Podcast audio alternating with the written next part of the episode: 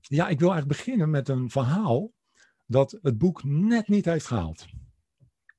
ja, je moet toch kiezen, schrijven, schrappen.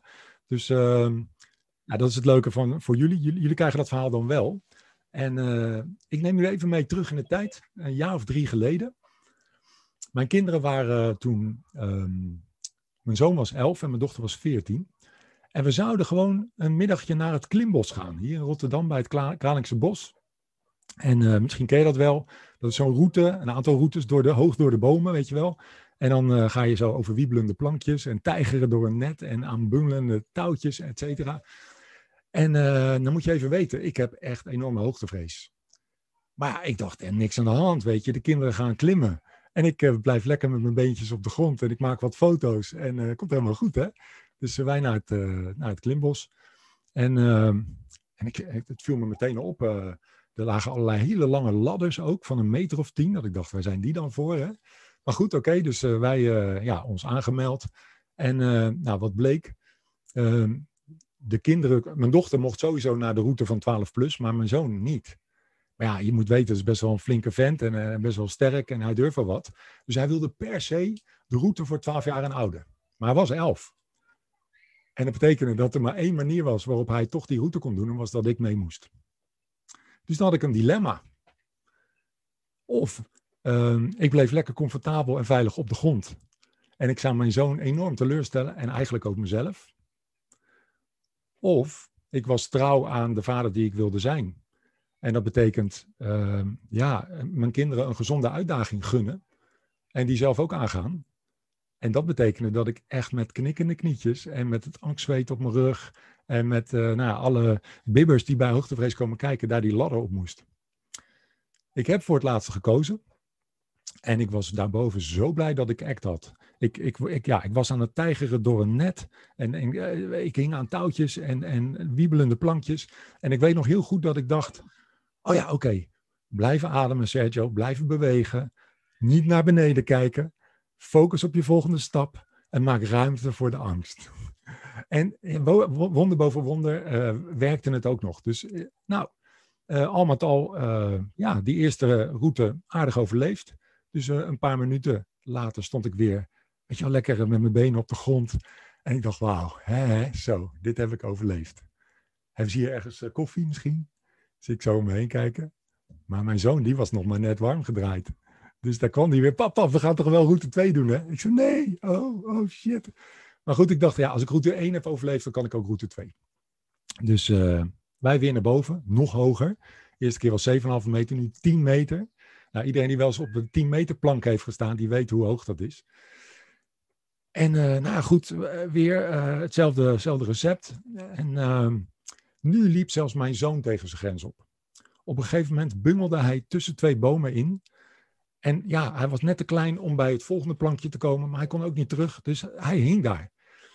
En ik kon hem ook niet helpen, want je mocht niet met twee mensen op één, op één hindernis. Dus ik kon niks doen. Dus ik keek naar beneden en, en ik zag die lange ladders. En ik zag daar een paar stoere van die, klim, van die klimmensen rondlopen. Dus er zat niks anders op dan keihard om hulp te roepen. Help, help, we zitten hier vast, help. En ja, maar er kwam een dame, een hele stoere meid, zo met zo'n ladder van 10 meter. Die zet ze zo tegen die boom. Ze komt naar boven, ze brengt mijn zoon in veiligheid. En ze zegt tegen mij, uh, en wat doet u meneer? En ik zei, ja, ik laat mijn zoon natuurlijk niet in de steek. dus ik, oh, eindelijk die ladder af en uh, op de begane grond. En misschien denk je nu van, ja, ja, eh, Van de Pluim, leuk verhaal. Wat heeft dit met ACT te maken? Nou, in mijn beleving alles. En want ACT gaat natuurlijk over dingen doen die je belangrijk vindt, ook als ze ongemakkelijk zijn. En nu was dat uh, ja, mijn hoogtevrees trotseren. Maar ja, het kan net zo goed zijn dat je wel voor het eerst die blog schrijft, terwijl je denkt, oeh, wat zullen de mensen ervan vinden? Of dat je kei moe bent en dan toch je kind nog gaat voorlezen. Of dat je met een gebroken hart toch weer opnieuw gaat daten.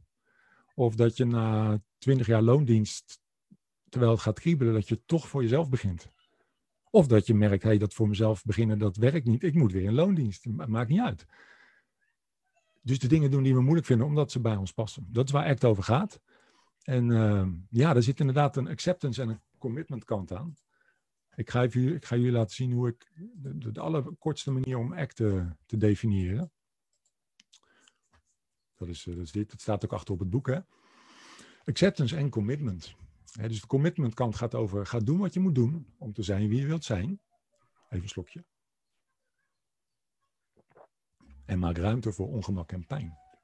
Weet je, als het makkelijk was en pijn, pijnvrij, en, en, dan zou je het al lang gedaan hebben.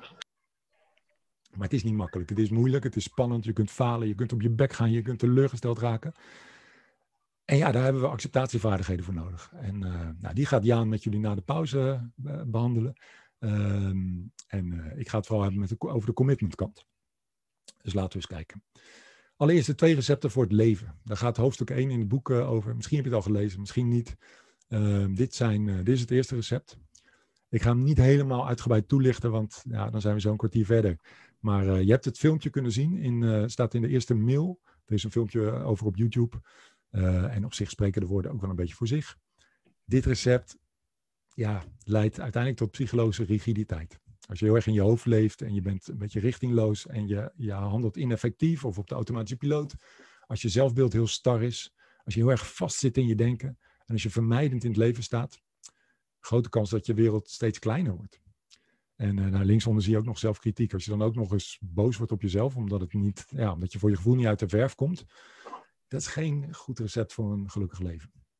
En tegelijkertijd denk ik dat we allemaal wel ja, aspecten hiervan herkennen. Want het is ook zo menselijk om deze dingen te doen en te ervaren. Gelukkig heeft ACT daar uh, iets tegenover uh, gezet. En dat is dat we, ja, we kunnen ook leren om aandachtig aanwezig te zijn. Hè? Onze aandachtspier is een spier die we kunnen trainen. En dat kan al met een paar minuten per dag. We gaan straks een korte oefening doen. Het helpt ook enorm, we gaan met de klok mee, als je ja, als je, als je je waarden kent, als je weet wat er voor jou werkelijk toe doet. En dan kun je onderzoek naar doen op best leuke manieren. Als je helder hebt wat er voor jou toe doet, als je je waarden kent, dan kun je toegewijd gaan handelen. Dan kun je kleine stapjes gaan zetten in uh, een voor jou waardevolle richting.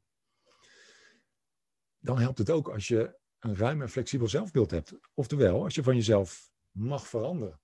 En als je jezelf ook kunt ervaren als een soort ruimte waarin alles langs mag komen de fijne dingen, maar ook de ongemakkelijke dingen. De pijn, het verdriet, de teleurstelling, de angst, de boosheid, etc. En hoe fijn als je je denken kunt opmerken en, en dus een keuze hebt van, hmm, ga ik mee in deze gedachte of laat ik hem even voor wat hij is? Dit is maar een gedachte, het is niet de hele waarheid. Um, en dat is wat mijn brein nou eenmaal doet, gedachten produceren. En in plaats van vermijding kunnen we ons zelf trainen in actieve acceptatie. In ongemak, ja, omarmen, ruimte geven, ermee zijn. Kies maar de woorden die, die bij je passen. Nu ben ik benieuwd, waar dans jij tussen star en flex? Ik denk dat we hier allemaal ergens tussenin zitten. Uh, we kennen echt al, ruim tien jaar, maar we zitten echt nog niet op een tien. Uh, en het wisselt ook per dag. Uh, maar geef jezelf eens een cijfer. Waar zit jij ergens tussen deze twee ja, recepten voor het leven?